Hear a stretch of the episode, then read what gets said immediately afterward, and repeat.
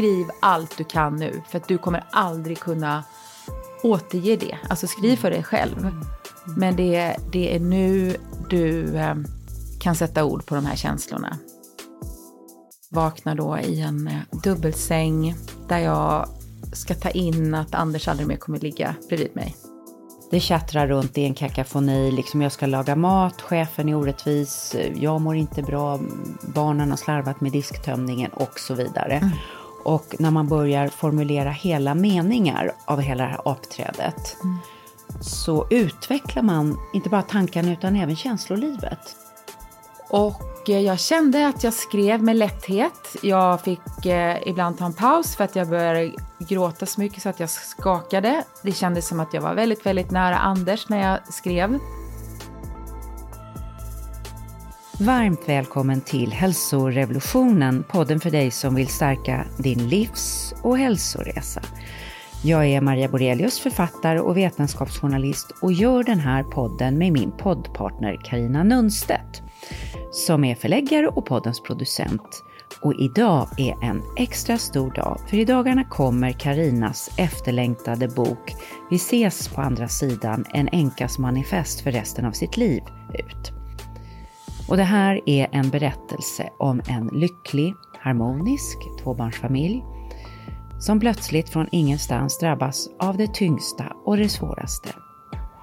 En cancerdiagnos som slutar med att Karinas make Anders dör, bara 51 år gammal, i juni 2021. Och det här är Karinas terapeutiska skrivande väg. Och resan före och efter Anders död har nu blivit bok.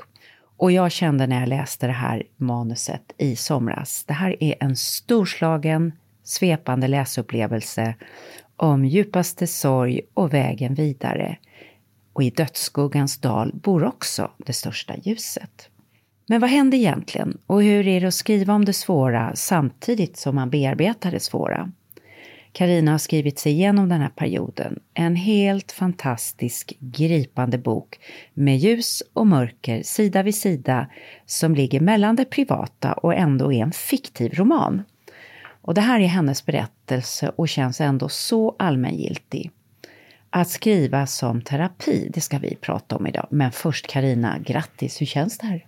Åh, tack snälla och vilken fantastisk eh, introduktion. Jag är så, så glad att eh, du har varit med och läst eh, ja, flera gånger faktiskt mm. under manusprocessen och det betyder jätte, jättemycket. Och jag känner massor av känslor just nu. Det är overkligt. Du mm. vet ju också, en bokprocess är ganska lång. Mm.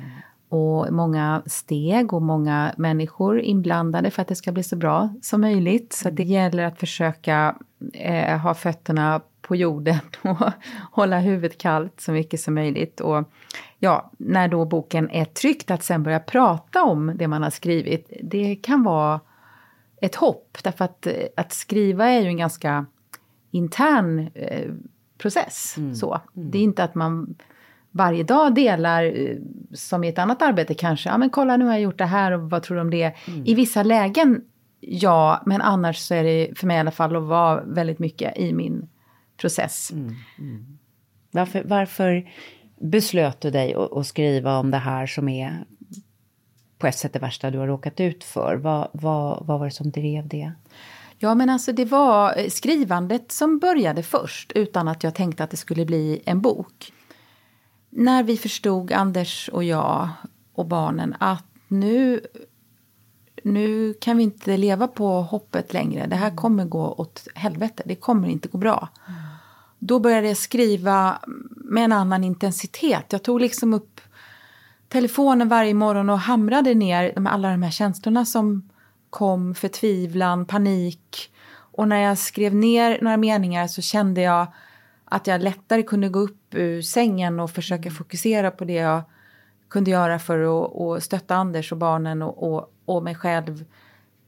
Så för mig blev det en överlevnadsteknik skulle jag säga. Och, och ännu mer efter att Anders hade somnat in kom hem till vårt sovrum. Eh, ja, det var ju bara eh, tre timmar efter att eh, Anders hade dragit sitt sista andetag, efter att vi hade vakat vid hans sida tillsammans med eh, andra nära i, i familjen och att vakna då i en eh, dubbelsäng där jag ska ta in att Anders aldrig mer kommer ligga brev, bredvid mig. Mm.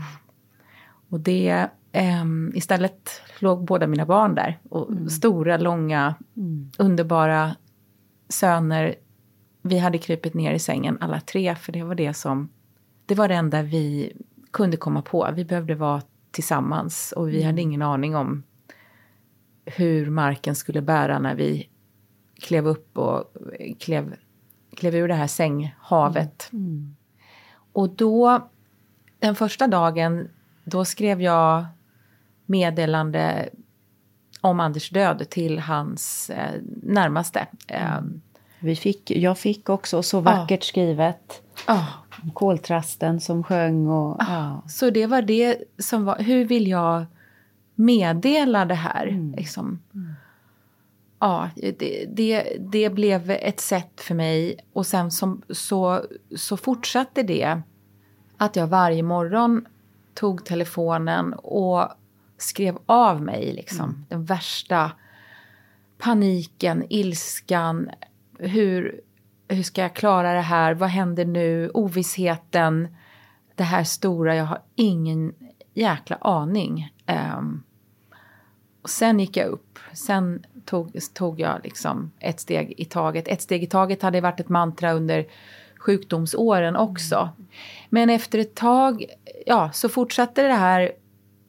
Jag skrev och skrev och skrev tills den gula anteckningsboken i telefonen nästan sprängdes. Eller jag tänkte, kan den? Hur, hur mycket kan man skriva i en sån här gul anteckning? Mm. Även iPhone kanske kan ha sina begränsningar. Så jag började mejla till mig själv för att jag tänkte att jag vill ändå att det ska vara kvar. Men jag hade fortfarande inte... Jag hade börjat tänka så här, ja det kanske kommer vara att jag använder något av det i en bok någon gång. så. Jag tror ju att vi är olika. Skrivandet kan fungera för, för väldigt många i, i skeden i livet när vi behöver sätta mm. ord på, mm. på känslor.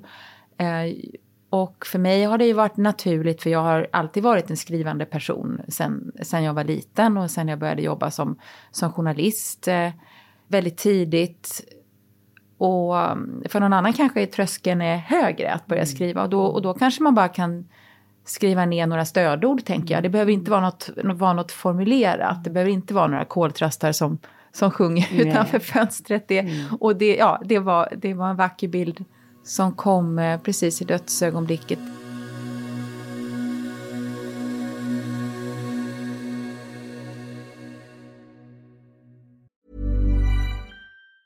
There's never been a faster or easier way to start your weight loss journey than with plush care. PlushCare accepts most insurance plans and gives you online access to board-certified physicians who can prescribe FDA-approved weight loss medications like Wigovi and Zepbound for those who qualify. Take charge of your health and speak with a board-certified physician about a weight loss plan that's right for you. Get started today at plushcare.com slash weight loss. That's plushcare.com slash weight loss. plushcare.com slash weight loss. Many of us have those stubborn pounds that seem impossible to lose, no matter how good we eat or how hard we work out. My solution is PlushCare. PlushCare is a leading telehealth provider with doctors who are there for you day and night to partner with you in your weight loss journey. They can prescribe FDA-approved weight loss medications like Wagovi and Zepbound for those who qualify. Plus, they accept most insurance plans. To get started, visit plushcare.com slash weight loss. That's plushcare.com slash weight loss. Hey, it's Ryan Reynolds, and I'm here with Keith, co-star of my upcoming film, If, only in theaters May 17th. Do you want to tell people the big news? All right, I'll do. Sign up now and you'll get unlimited for $15 a month in six months of Paramount Plus Essential Plan on us. Mintmobile.com slash switch. Upfront payment of $45 equivalent to $15 per month. Unlimited over 40 gigabytes per month. Face lower speeds. Videos at 480p. Active Mint customers by 531.24 get six months of Paramount Plus Essential Plan. Auto renews after six months. Offer ends May 31st, 2024. Separate Paramount Plus registration required. Terms and conditions apply if rated PG. Vi fortsätter vårt roliga betalda samarbete med Bosch. De har precis kommit ut med sin nya köksmaskin, serie 6, som har fått en naturlig plats i mitt kök. Att baka gör mig lugn. Jag har länge tänkt att jag vill baka oftare.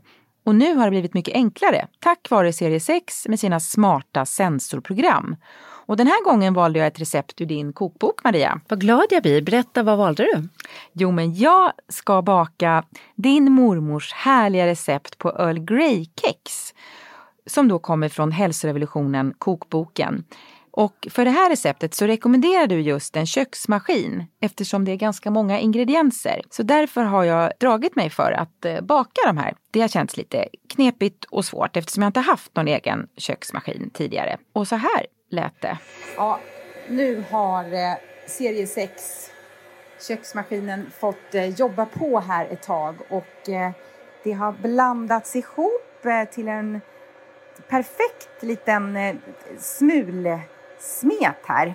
De innehåller havregryn, smör, bovetemjöl, bakpulver, havssalt, eh, citronzest, ingefära, blötlagda Earl Grey-teblad och sen kallt Earl Grey-te och honung och till sist kakaonibs. Ja, ni fattar, det här kommer att bli så himla gott. Ja, men det här är så kul och min mormor hade ju tyckt det här var fantastiskt. Hon var ju alla de här ingredienserna och det här med, med ett litet bra kex och en kopp te.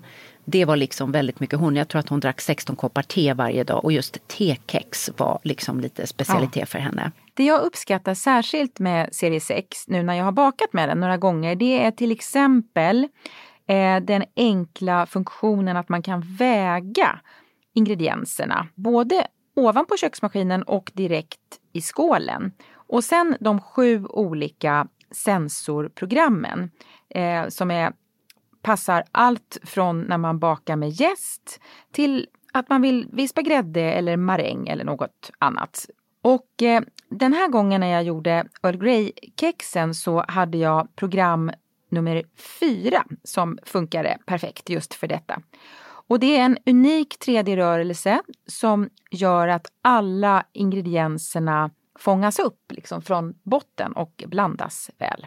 Ja, bakning och matlagning det är ju personligt i varje familj, för mig också. Det känns jättekul att recepten sprids och vi kommer lägga ut receptet på vår Instagram också, eller hur Karina? Ja, hur blev kexen förresten, Earl Grey-kexen? Ja men så himla goda med den här citronsmaken mm. i kombination med Earl Grey-teet. Man kan få testa köksmaskinen serie 6 i hela 100 dagar. Den finns redan nu att köpa hos Power och där kan man även få mer info om köksmaskinen. Lycka till! Tidigare har du liksom skrivit om andra och du har skrivit en bok om katter och du har mm. skrivit om andra människors liv och du har varit förläggare och nu mm. att skriva om liksom rakt in i din kärna, i det mm. smärtpunkten. Mm. Det är väl ändå en väldig skillnad? Jo, det här är det mest personliga jag någonsin har skrivit. Sen så tror jag allt att jag har grävt där jag står mm. i olika projekt. Jag startade ett livsstilsmagasin för mammor 2003 när jag hade fått ett barn och snart skulle få ett till. Då blev det ett sätt att ja, skriva av sig också eftersom jag eh, gjorde stora intervjuer med andra mammor och skrev en krönika om, mm. om livspusslet och mammalivet. Så det, jag har nog alltid varit så, inte att jag häller ut allting mm. utan jag behåller mycket för mig själv också. Det är ju inte att allting, allting jag har skrivit i den här enorma gula anteckningen mm. Mm. i telefonen. Allt det är ju inte boken. Jag har ju behållit en hel del för mig själv som bara är viktigt för mig och för processen.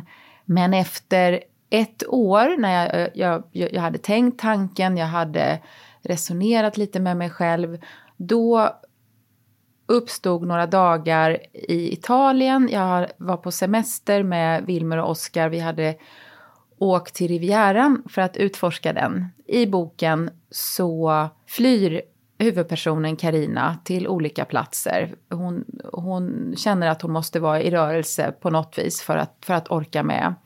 Parallellt med det så utforskar hon också olika hälsoverktyg som jag ska berätta mer om i nästa avsnitt. Men hon eh, åker på en resa till Rivieran som är en av de platserna som hon, hon vill utforska. Och vi har hyrt en lägenhet i eh, Bordigera som ligger på den italienska sidan. Så efter några dagar i Nice så åker vi till Bordigera.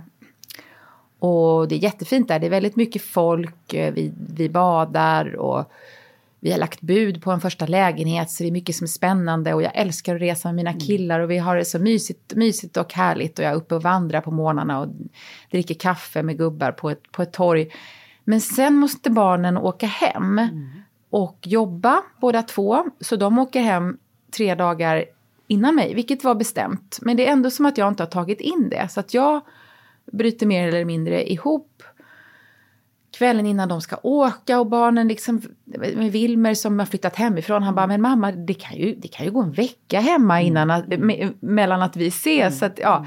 men, men så här är det ju en sorgprocess att känslorna kommer, eh, attackerar ju, sorgen attackerar lite när man minst anar det. Man kan tycka att nu har jag läget under kontroll och nu har jag kommit till till nästa fas eller vad det är. Men, men de här faserna är ju som, som isflak, att de liksom flyter omkring.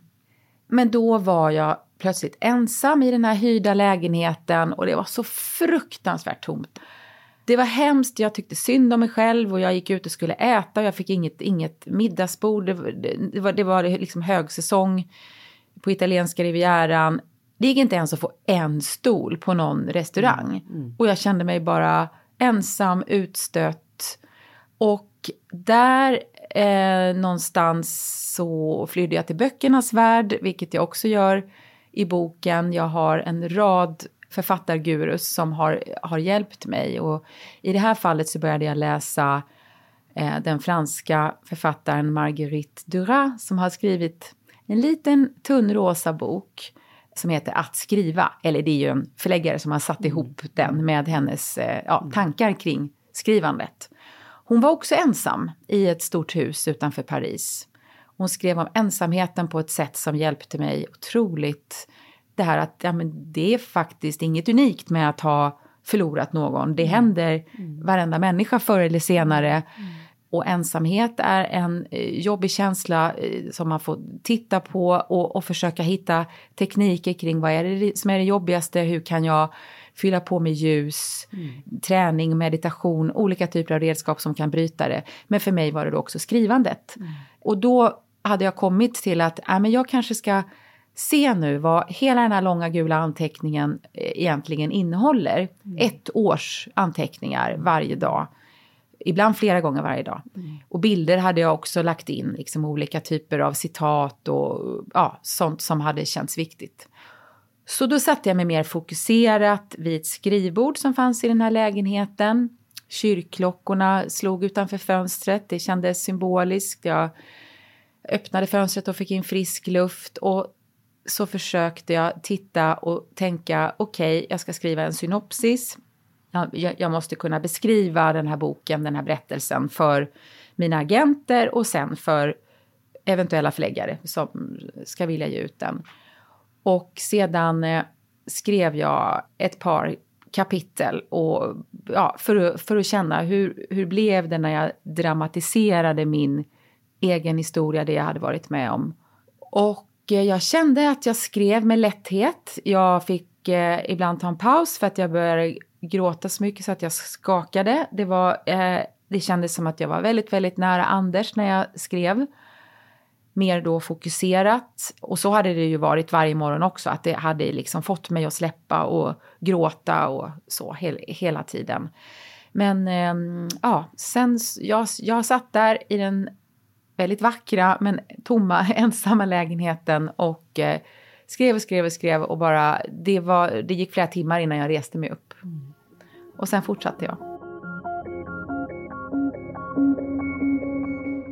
Och när du berättar då om boken så säger du Karina i boken.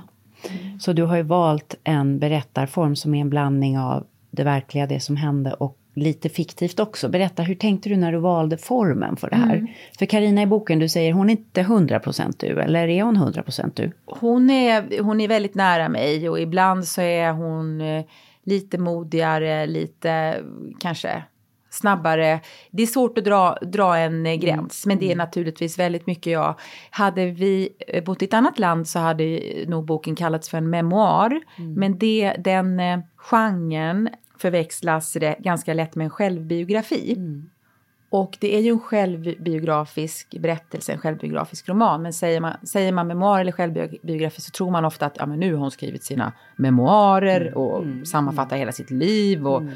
en lång karriär till ända. Ja, men ni vet, så här, det, det kan bli väldigt eh, pompöst. Och, och så eh, finns det då de som skriver fantastiskt självbiografiska romaner. Alex Schulman är en av dem, Frida Boisen är en annan, om vi ska nämna dem, dem i Sverige. Och eh, eh, jag fick också eh, förmånen att jobba med det eh, bokförlag som jag tycker är allra bäst på den här genren, som mm. är mitt, mitt förlag Bookmark, som har också hjälpt mig att, eh, och min förläggare Ebba hjälpt mig att eh, förlösa berättelsen mm. och, och, dra gränser, för det är ju det en bok handlar om. Det, mm. Eh, I det här fallet är det drygt 300 sidor. Allt får ju inte plats där, mm. liksom. Varenda gång jag går upp på morgonen eller allt jag har skrivit, det får ju inte plats inom 300 mm. sidor. Mm. Så väldigt mycket handlar om gränsdragning, vad är viktigt för den här berättelsen. Mm. Och, och jag vill ju naturligtvis också, och det var viktigt när jag satte igång och skriva, att det ska vara det ska vara en bok där man vill läsa vidare. Mm. Man måste få veta hur ska det gå för Karina. Vad gör hon och varför fastnar hon i, i vissa delar och varför är det vissa saker som hjälper henne och, och, och andra inte. Mm. Där är ju då den självbiografiska romanen ger dig en större frihet. Mm. Mm. Också när det gäller att eh, skydda både dig själv lite grann och de, de närstående. Att du inte, du inte bara vill hälla ut allt ofiltrerat. Mm. För det, den här berättelsen berör ju då inte bara dig utan förstås Anders och eh, dina barn och lite andra människor som finns i din krets, så att säga, mm. din närmsta krets. Så vilka hänsyn har du behövt för hade du gjort det här rent eh, fiktivt så hade du kunnat göra vad som helst. Men nu behöver du ändå ta lite, hur har du tagit de här hänsynen och hur har du ja. balanserat det? Mm. Nej men det är i processen, alltså jag har ju eh, då använt mig av olika terapeutiska verktyg. Så till exempel ett, i ett samtal med en terapeut, då är det viktigt för mig att den terapeuten får läsa det som mm. Så att jag inte trampar honom eller henne på tårna och kanske har missförstått något som blir eh, tokigt. Utan här har jag ju mitt journalistiska sätt att skriva och författare har ju olika bakgrund. Jag har eh, tidigare jobbat länge som journalist så att det är ju det som är min styrka att jag också kan återge eh, möten och jag har även intervjuat en del personer mm. för att liksom stärka min berättelse. Så att eh, alla de som nämns i boken eh, har fått läsa och eh, känna. Eh, du nämns som en, mm. en oerhört betydelsefull eh, mentor och eh, nära vän och kollega och med en sån rik livserfarenhet så att du, du fanns där från, ja, alltså under sjukdomstiden och mm. ja, gav mig så mycket stöd och, och så mycket eh, klokskap och lyssnade. Det är ju förmågan att lyssna som är bland det svåraste när någon, mm. någonting drabbar en. Mm. Du har ju själv eh, tyvärr eh, varit med om, om dödsfall i din, i, i din närhet. Mm. Så att det är ju men det är inte alla som kan ta med sig liksom en, en erfarenhet och, och göra om det till eh, eh något som kan stärka någon mm. annan. Men, det, mm. men det, det kan verkligen du. Ja, tack. Du, ja, nej, men så att, stä, att stämma av, men också som sagt inte, ja. inte bara, alltså jag, eh, mina barn finns med, men det här är inte deras berättelse om deras mm. sorg. Mm.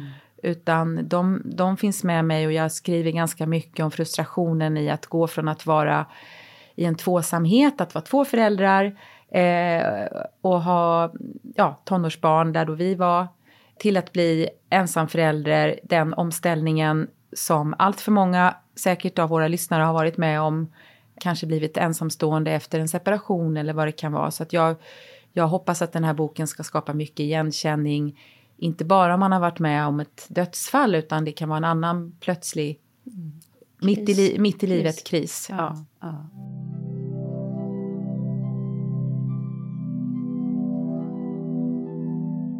Så den här boken innehåller ju väldigt mycket starka scener, möten, saker som händer. Och eh, jag menar, man ska ha ett stenhjärta för att inte bli berörd av Anders sista dagar och hur ni sluter upp kring honom där.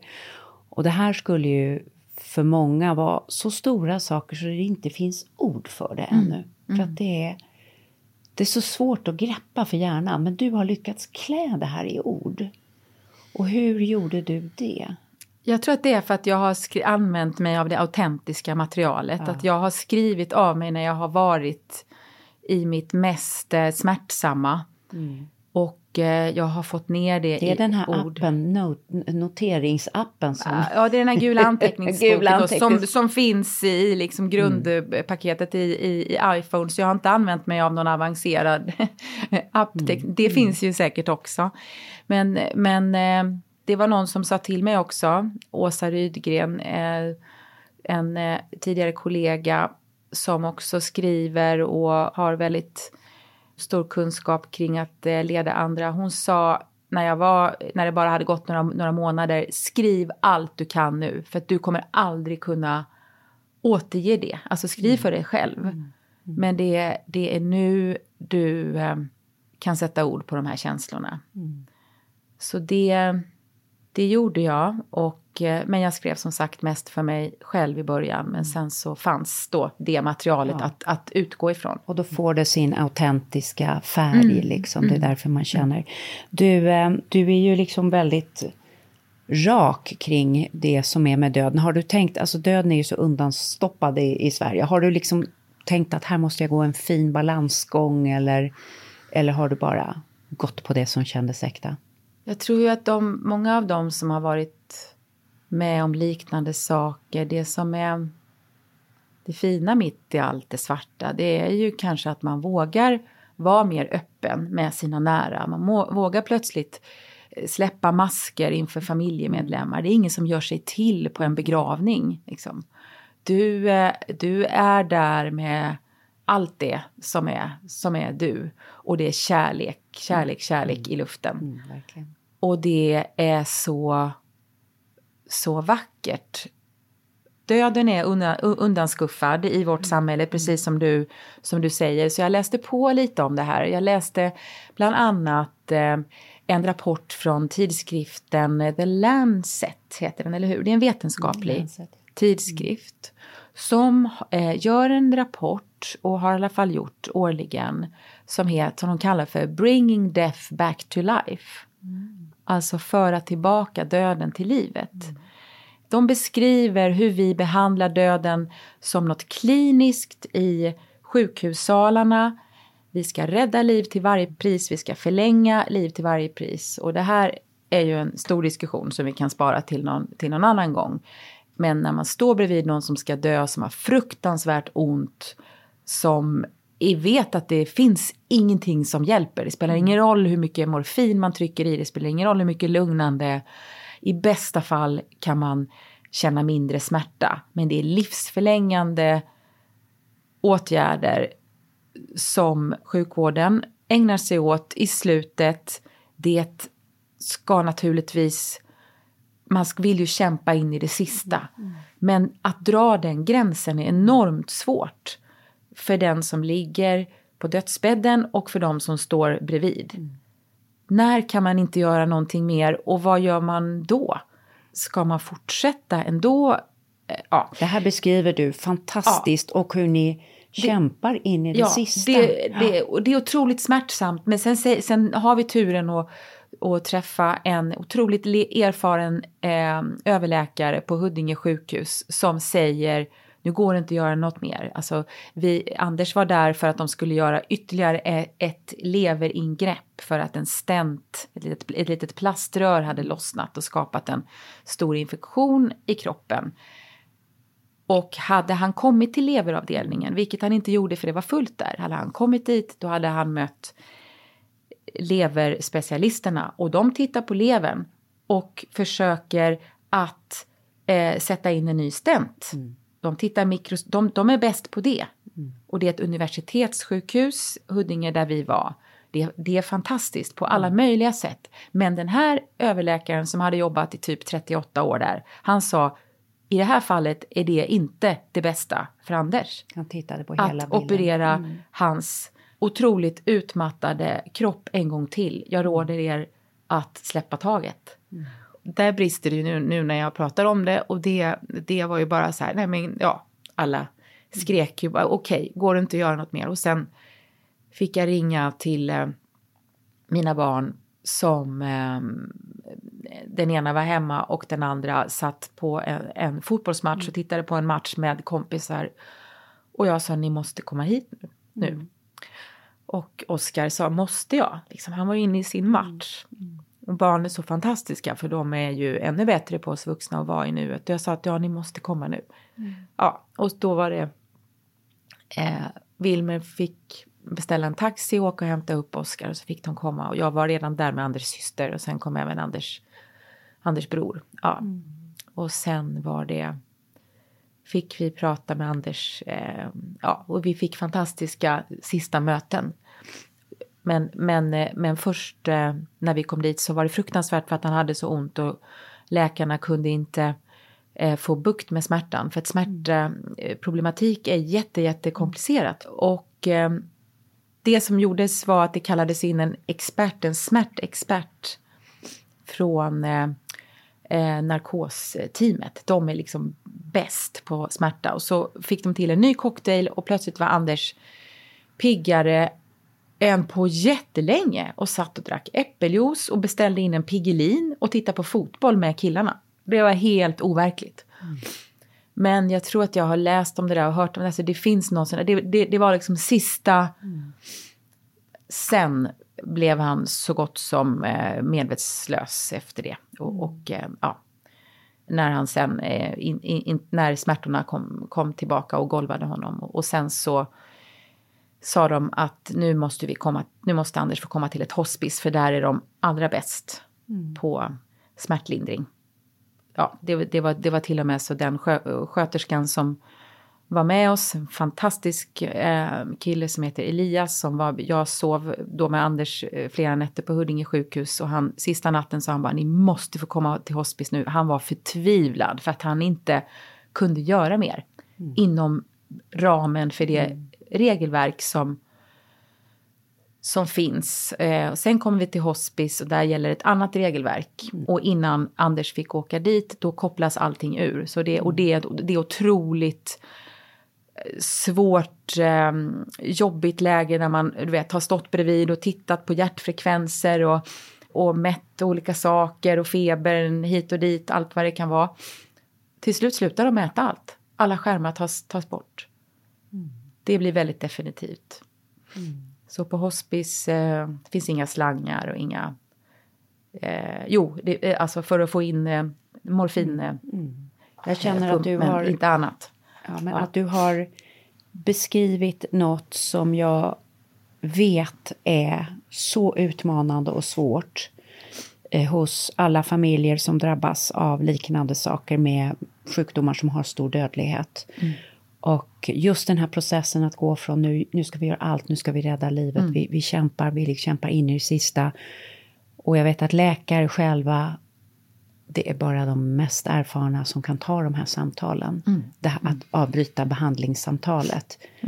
Och ah, vad som händer sen när en mer naturlig dödsprocess ska sättas igång. Jag tror att det här kommer ge så mycket stöd till läkare att våga ta det här samtalet, till sjukvårdspersonal och människor som är med om det här. Alltså det, för att just du är inne i det här, du är ju inne i det här i nerven liksom hela de här dagarna.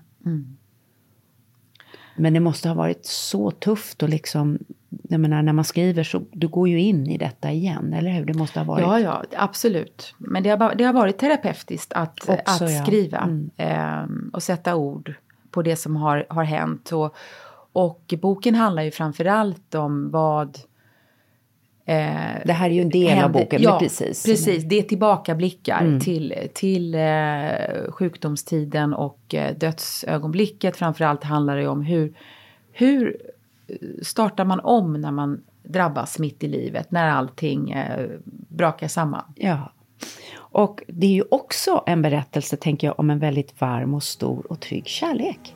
Ja.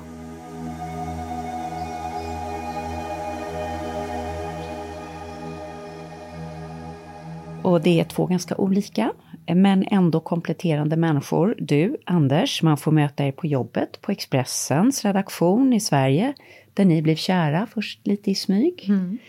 Och sen i vardagslivet, vid diskbänken, på resor till USA, som jag Anders älskade.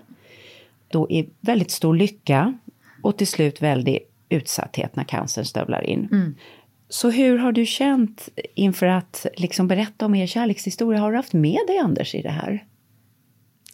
Ja, nej, han har ju varit med mig hela tiden jag har skrivit. Det har inte varit någon tvekan kring det. Jag eh, funderade ju länge innan jag började skriva i bokform. Snackade du med Anders då? Så Anders, vad säger du? Ja, det gjorde jag. Ehm, jag ställde också frågan i, som jag nämnde tidigare så har jag ju i boken träffat olika typer av terapeuter och coacher och även eh, eh, flera människor med, med mediala förmågor. Och eh, då har jag ställt frågan vid flera tillfällen vad, eh, vad känner Anders inför att jag skriver och att det kanske blir en, blir en bok.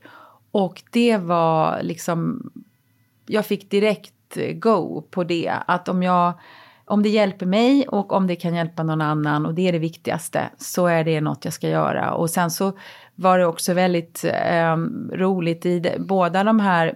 Eller, du fick go från andra världen så att säga. Jag fick go från andra sidan. Ja, ja.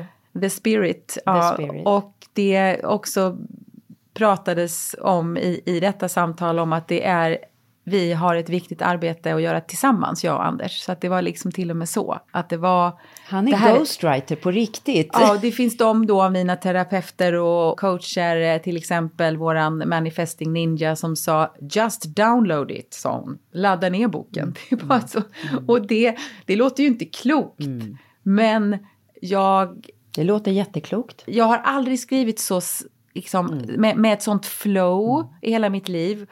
Och min förklaring är att Anders var med mig. Han var den snabbaste skribenten. Han mm. skrev en recension från en Bruce Springsteen-konsert på 20-30 minuter, mm. ibland snabbare. Han var så oerhört flink och snabb på mm. Mm. vid tangentbordet. Det har inte jag varit på det sättet. Jag har andra kvaliteter i skrivandet. Men här var det, det bara flödade. Mm, flow. I search for you on the other side Where the river runs clean and wide du, du pratar om Bruce Springsteen mm. och det är ju så att musiktexter, litterära referenser, du har eh, författare Joyce Carol Oates, du har mm. Joan Didion som jag har upptäckt genom dig. Oh. Älskar henne. Ja, det är som att där har du också en stor värld med levande och döda artister, ja, författare. jag håller dem i handen du håller dem i handen. Och, och, Varför har du använt det greppet? Vad, vad, vad betyder det, det för dig? Det blev så naturligt. Det är väl att jag har läst mycket och sen så fick jag många boktips. Mm, liksom. Mm. Först mm. orkade jag inte läsa någon bok som handlade om någon som var änka. Men sen läste jag till exempel då Änkans bok av eh, Joyce Carol Oates. Och jag läste A year of magical thinking, ett år av magiskt tänkande av Joan Didion. Ja, som blev mina biblar. Ja, liksom. ja. Så de, de ledde mig framåt. De är båda, Joan Didion lever tyvärr inte längre, men båda har skrivit otroligt klokt, mm. reflekterande, haft eh, långa liv, perspektiv. Mm. Eh, de är smarta, de är coola. Och, och de är eh, råa i sitt sätt att liksom eh, uttrycka känslor och vardagen när den faller samman och, och samtidigt kan de uttrycka sig så otroligt vackert. Mm. Så att de, de, de har hjälpt mig och de har varit mina vänner. Och, Eh, sen har jag även tittat väldigt mycket på, på tv-serier, eh, läkarserier. Och de, de eh, snygga läkarna har också varit mina Män vänner. Män i vitt. ja, så här, Hjärtat jag, bultar lite jag extra. Jag har räddat, räddat liv på, på kvällarna när jag inte orkat skriva ja, längre. Då, så har jag, ja, så det, ja. det, det är konstigt var man dras till. Det har, mm. det, det, har väl känts eh, tryggt på något sätt. Att, Kvinnor som har skrivit om döden och mm. män i vitt. Mm. och lite popstjärnor.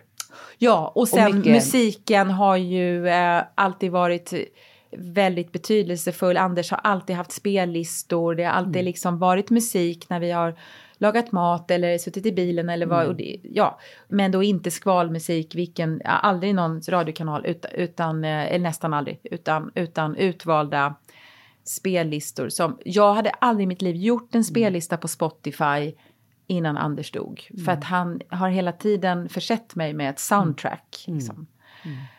Så att eh, den här musiken har varit väldigt, väldigt trösterik. Jag har ju också gjort ett soundtrack till, till boken. Så att det, det finns en eh, spellista till eh, Vi ses på andra sidan med eh, ja, delar av den låtskatt som Anders, eh, som var betydelsefull för både honom och, och för oss.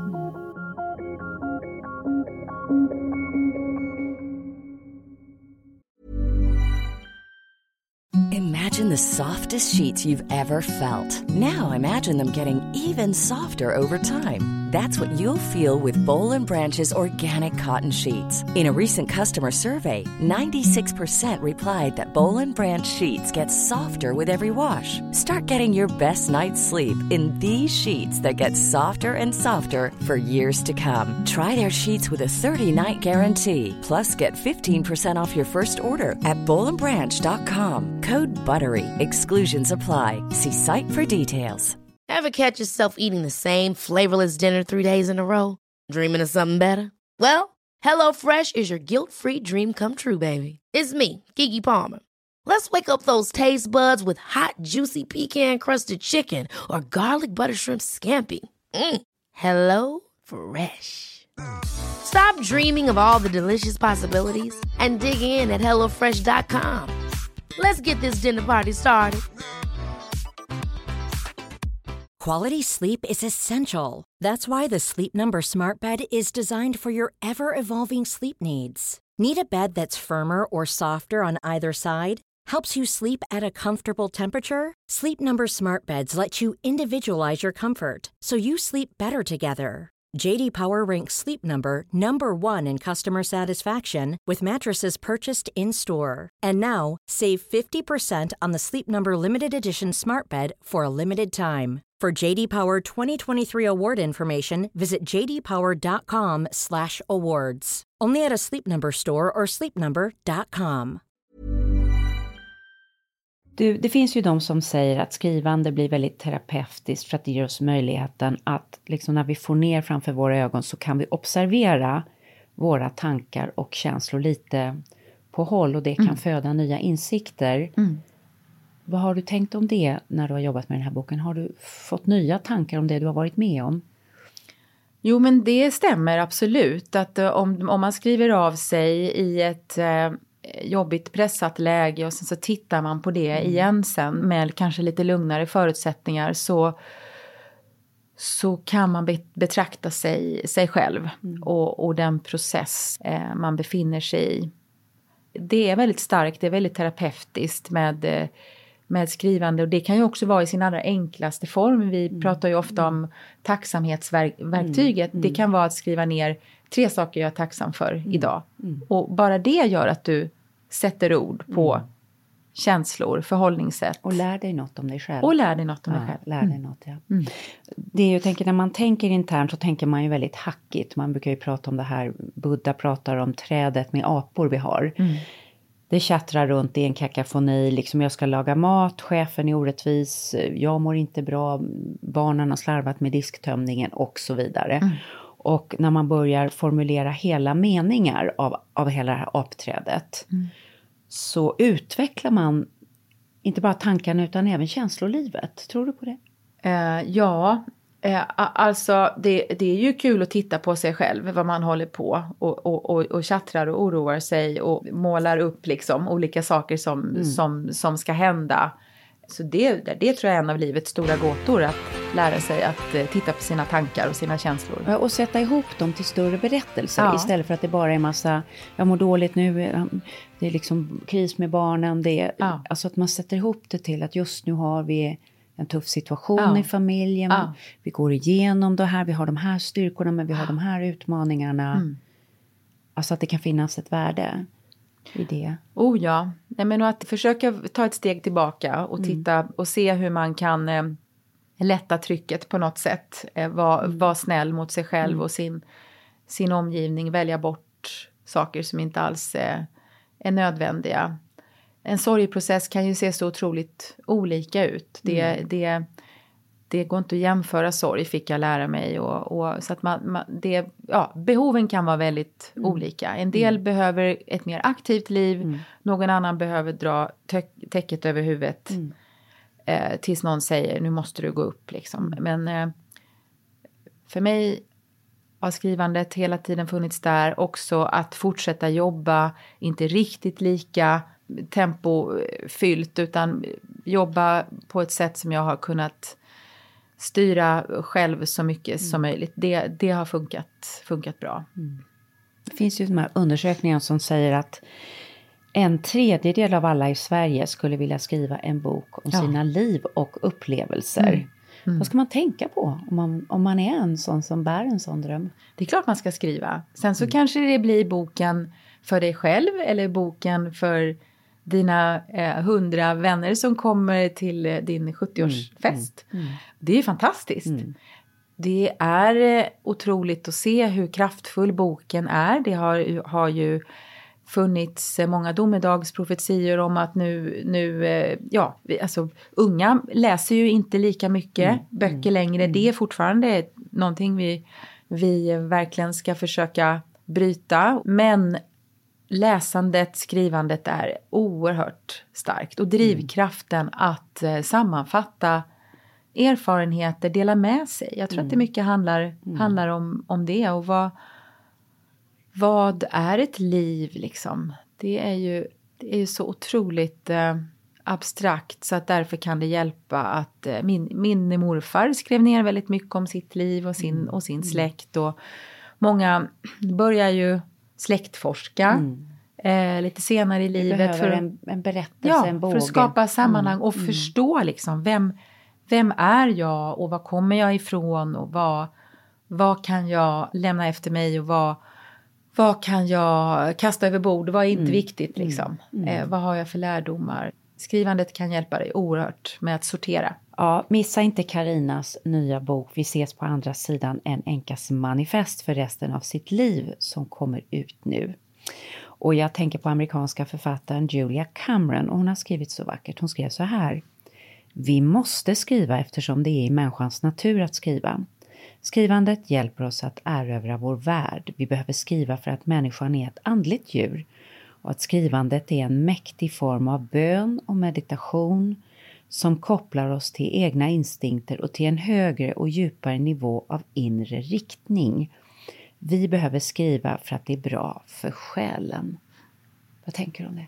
Ja, så vackert. Vackert. Det är vackert. Och hoppfullt. Hoppfullt, eller hur? Och det är så jag har tänkt när jag har skrivit. Jag har velat skriva en, en, en hoppfull berättelse Ja. om att livet kan börja om när det känns som allra svartast. Mm, det har du verkligen gjort.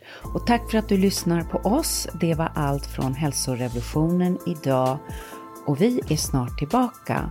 Och i nästa avsnitt så kommer du få höra mer om Karinas bok och de speciella hälsoverktyg som hon har utforskat på vägen. Hej då! Hej då, tack så mycket.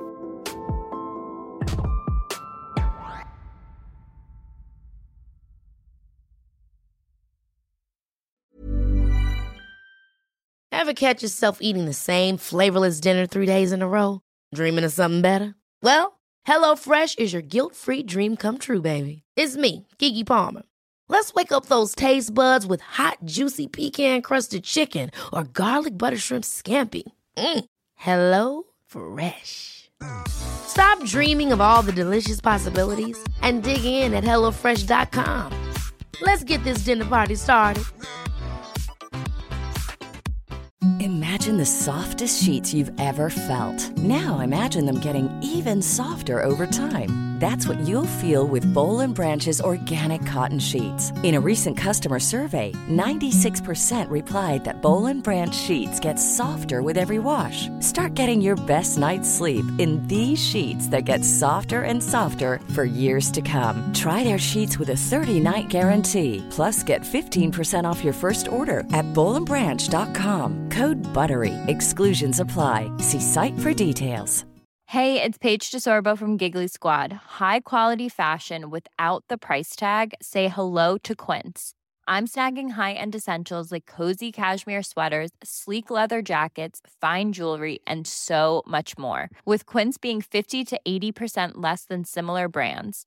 And they partner with factories that prioritize safe, ethical, and responsible manufacturing. I love that. Luxury quality within reach. Go to quince.com slash style to get free shipping and 365 day returns on your next order. Quince.com slash style.